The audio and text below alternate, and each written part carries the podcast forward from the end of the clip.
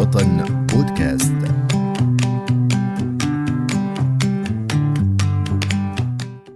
في خطوة تشوبها الكثير من الإشكاليات خطاها رئيس مجلس الشعب التابع للنظام حمود صباغ بتحديد موعد الانتخابات الرئاسية في سوريا فما مدى مشروعيتها؟ بودكاست وطن إعداد وتقديم فاتح حبابة.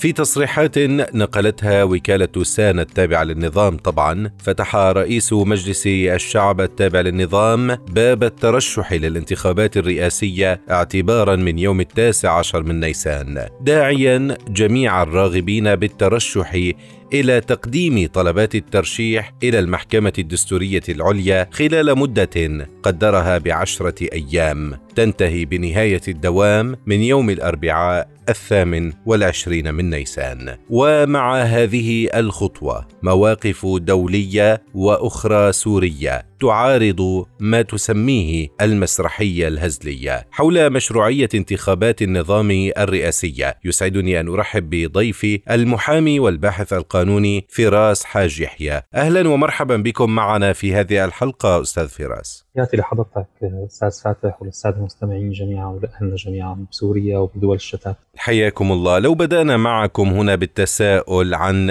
قراءتكم لهذه الخطوة التي خطاها النظام في هذا التوقيت. حقيقة الإعلان اللي أعلنه رئيس مجلس الشعب السوري رئيس مجلس شعب النظام طبعا آه، حمود الصباغ يوم أمس لم يكن مفاجئا لكثير من المتابعين آه، معروف آه، ومعلوم ضمن المدد والمهل الدستورية اللي حددها الدستور السوري المعمول الحالي طبعا معمول فيه اللي صدر عام 2012 أن يعني ولاية بشار الأسد الرئيس غير الشرعي طبعا. بالنسبة لنا اللي بدأت ولايته ب 16 7 2014 يفترض انه هي تنتهي ب 16 7 2021 آه، بالتالي آه، كان متوقع انه يتم الدعوة لانتخابات خلال هي الفترة. آه، من قبل مجلس الشعب من قبل رئيسه لإستقبال طلبات الترشيح. وهي المده حدد الدستور طبعا إنه يجب يفترض أن تتم الدعوة لعملية العملية الانتخابية قبل انتهاء مدة ولاية الرئيس الحالي. بمدة لا تقل عن 60 يوم ولا تزيد عن 90 بالتالي كان طبيعي إنه بين منتصف نيسان ومنتصف أيار يعني رئيس مجلس شعب النظام رئيس البرلمان السوري صح التسمية مجلس الشعب وليس البرلمان أن يتم الدعوة لانتخابات رئاسيه أو لاستقبال طلبات الترشيح. طيب هنا السؤال عن آه، مدى مشروعية هذه الخطوة آه، كرؤية قانونية. تمام هلا حقيقة آه، خلينا نتكلم اليوم نبدأ فيها بطريقة صحيحة. هذا النظام يستمد مشروعيته من عضويته في في الأمم المتحدة. بالتالي هذه المشروعية يستمد بشكل كامل من من أنه هو الممثل الشرعي للدولة السورية لدى الأمم المتحدة وللجمعيه العامة للأمم المتحدة. تم تجميد عضوية النظام الأسد بجامعة الدول العربية في عام 2012 في منظمه المؤتمر الإسلامي منظمة إقليمية هامة لكن بالأمم المتحدة لا زال إلى اليوم آه، هو الممثل الممثل الدولة السورية. لكن عمليا آه، كما هو معروف بالقانون الدولي آه، بأن يعني الدول في حالة الثورات يعني تخرج الشرعية من السلطة الحاكمة وتنتقل إلى الشعب وفي حالة نعم. الثورة السورية اللي حصلت والانتفاضه الشعبيه اللي حصلت بعد عام 2011 عديد من الفقهاء القانونيين والمتابعين يعتقدون أو يعتبرون وأنا منهم أنا ليس لست من الفقهاء طبعا لكن الحقوقيين بعتقد انه الشرعية باتت بيد الشعب السوري وله حق تقرير مصيره بعد ثورة شعبية. آه، بما يتعلق بالدستور الحالي خلينا ندخل بالدستور الحالي اللي موجود آه، الدستور الحالي تم إقراره عام 2012 وجميع أعضائه تم تعيينهم قبل رئيس النظام بشار الأسد بالتالي هذا الدستور لا يحوي ولا يمثل ولم يتم تمثيل كافة مكونات الشعب السوري حيث تم إقراره بعد أكثر من سنة من انطلاق الثورة السورية. ولا يوجد فيه أي شخص أو أي ممثل لأي حزب معارض أو شخصية معارضة. فبالتالي هذا الدستور أيضا دستور غير شرعي. وما ينتج عنه من من انتخابات هي انتخابات غير شرعية. بالنسبة للشعب السوري هي ما يتعلق بالدستور الحالي أو بالدستور المحلي بما يتعلق بالقانون الدولي وبالقضية السورية تحديدا. القانون أو عفوا القرار مجلس الأمن رقم 2254 لعام 2015 بالفقرة الرابعة منه تحديدا أو نعم. المادة الرابعة منه. يعني مادة واضحة وصريحة أشارت إلى أن العملية الانتقالية في سوريا يجب أن تبدأ خلال ست أشهر. يتبع مرحلة تمهيد لانتخابات يتم فيها وضع دستور يحدد بمدة 18 شهر وأن تتم باشراف تحت إشراف الأمم المتحدة. بالتالي وضع خطوات لعملية الانتقال السياسي في سوريا ولعملية إجراء انتخابات رئاسية أو برلمانية أو تشريعية آه، أو حتى ما يتعلق بالمجالس المحلية. بالتالي هذا هذا الإجراء أو هذا التصرف الحالي من نظام الأسد آه، هو يفرز سلطة أمر واقع ورئيس أمر واقع آه، وهو انتهاك واضح وصريح لنص قرار مجلس الأمن 2254 آه، بالفقرة الرابعة المادة الرابعة كما ذكرنا. طيب آه هذا القرار جاء في 2015 هل سبقه قرارات تبعه آه مؤتمرات يعني متعلقة بهذا الموضوع ربما غيرت معادلته؟ لا على العكس يعني بيان جنيف الأول وبادره نقاط اللي أطلقها المبعوث الاممي الأول وفي عنان كانت آه، أشد من من من هذا القرار وكانت أكثر صرامة وأكثر وضوح لعملية الانتقال السياسي وعملية تبديل تغيير النظام كاملا آه، هذا القرار آه، لا شك تبعه بيان جنيف واحد بيان جنيف اثنين وتبعه طبعا مؤتمر سوتشي بعد كانت المعارضه قد تحفظت عليه لكن أيضا مؤتمر سوتشي نص على إقرار دستور جديد تجري يعني بمخرجات هذا الدستور يتم إجراء انتخابات رئاسية وبرلمانية. وهذا القرار طبعا 2254 أفرز اللجنة الدستورية والتي عقدت عدة اجتماعات كانت للأسف يعني تمضية للوقت أو استهلاك للوقت لا أكثر. حتى من ضمن أنا برايي الشخصي يعني ما أثير من زوبعة مجلس عسكري تم إشغال السوريين فيها لعدة أشهر وبعد ما ما تم الإعلان عن إصابة بشار الأسد في نعم.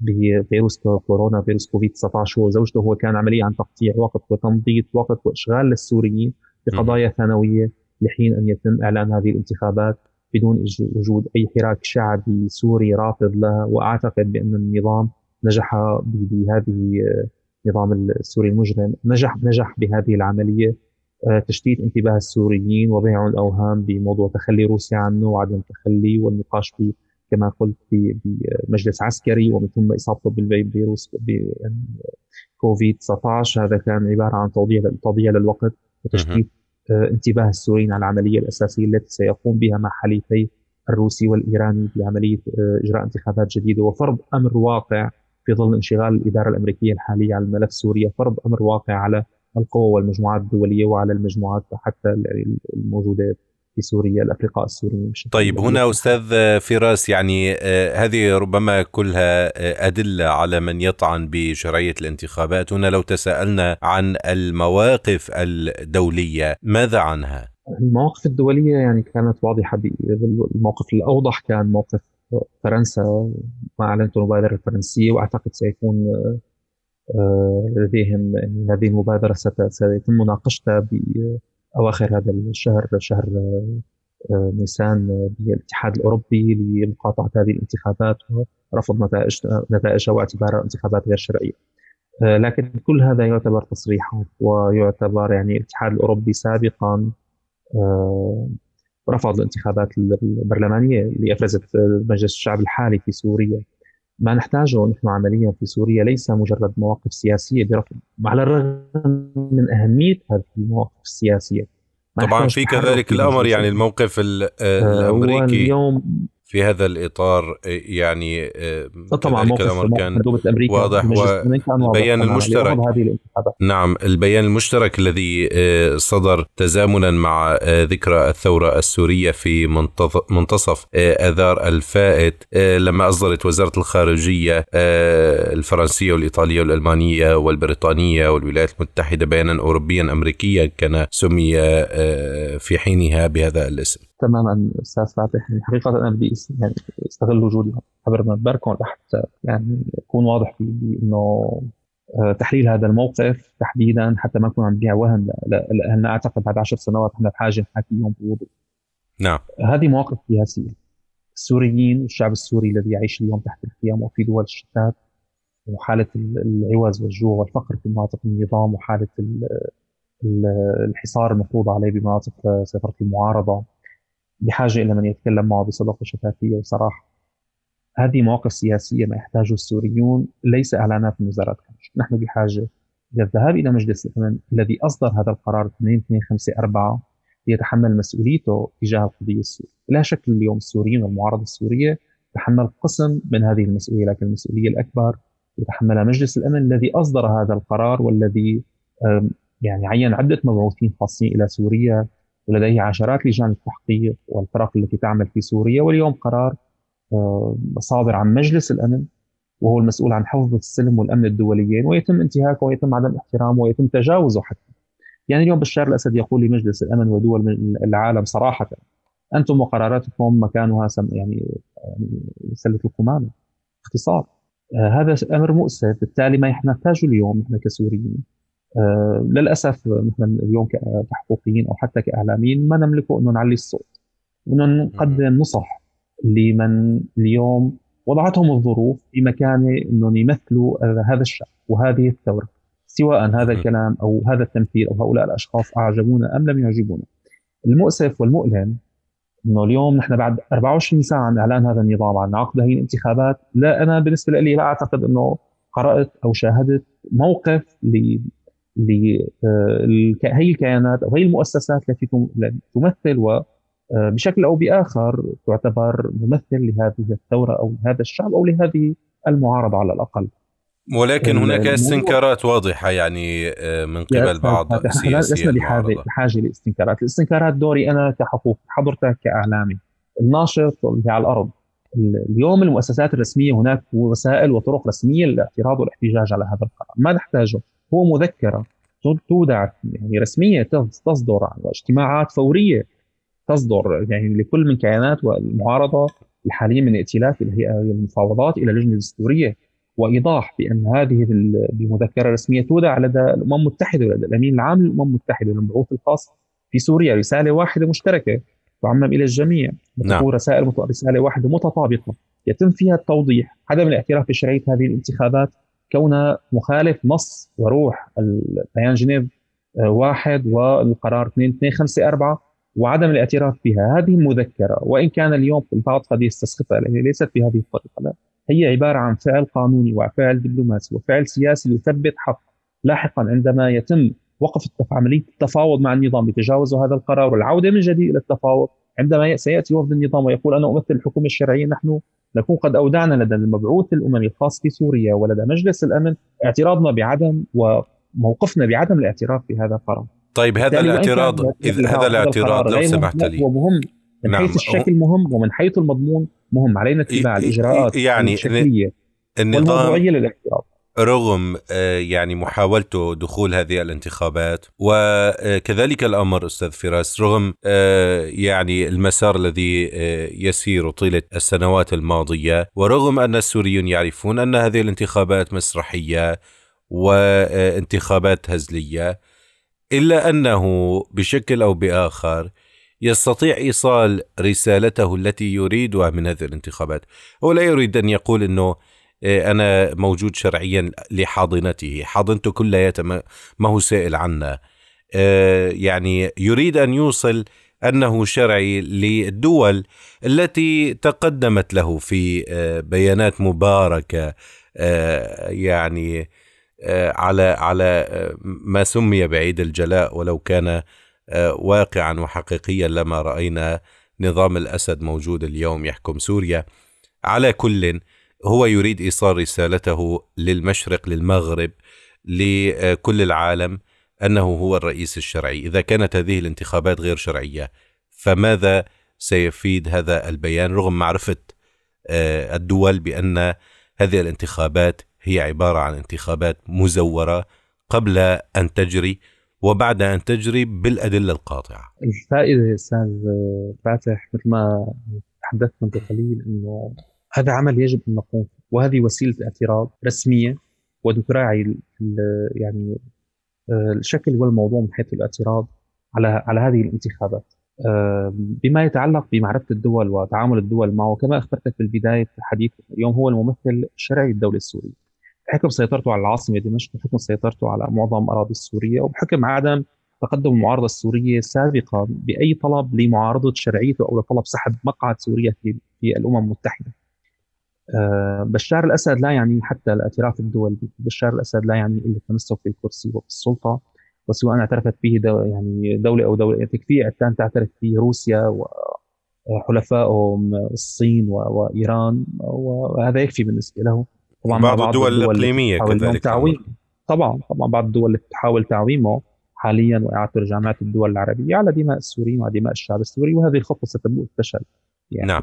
اعاده النظام لن يعود إلى جامعة الدول العربية مهما حاولوا ومهما فعلوا ببساطة هناك مثال يعني بغض النظر عن الموقف الأمريكي لكن جميعنا يعلم اليوم إنه أو حسب ميثاق جامعة الدول العربية عودة النظام تحتاج إلى حسب النظام الأساسي لجامعة الدول العربية يحتاج إلى آه، موافقة بالإجماع بما يعني اعتراف دولة واحدة آه، يمنع عودته وأنا أعتقد هذه الدولة موجودة يعني أكثر من دولة ليست دولة واحدة الدولة يعني قطر والسعودية إلى اليوم ليستا موافقتين على عودة نظام الأسد وبغض النظر عن المناقشات والمحادثات التي تحصل. بالتالي اعتراض أي دولة عربية سواء السعوديه أو قطر أو جيبوتي أو أي دولة عربية من ضمن الدول جامعة الدول العربية كفيلة بعدم عودته للجامعة وأعتقد لن يعود. هي محاولات يائسة. استمرار نظام الأسد بهذه الطريقة هو كما قلت هو سلطه أمر واقع ورئيس أمر واقع. ما سيزيد وسيزيد الخراب على سوريا سيزيد آه، الفقر والجوع بمناطق سيطرته سيزيد الحصار على المناطق الخارجة عن سيطرته. ستزيد فرص أو يعني كانت التوصيف دقيق آه، تشتت ويعني إمكانيات انفصال سوريا وتحول الخريطه الحاليه في أكثر من من من دولة لا قدر الله مستقبلا. آه هذا الخراب هذا الموجود بشار الأسد لا يهمه الا الحفاظ على كرسي.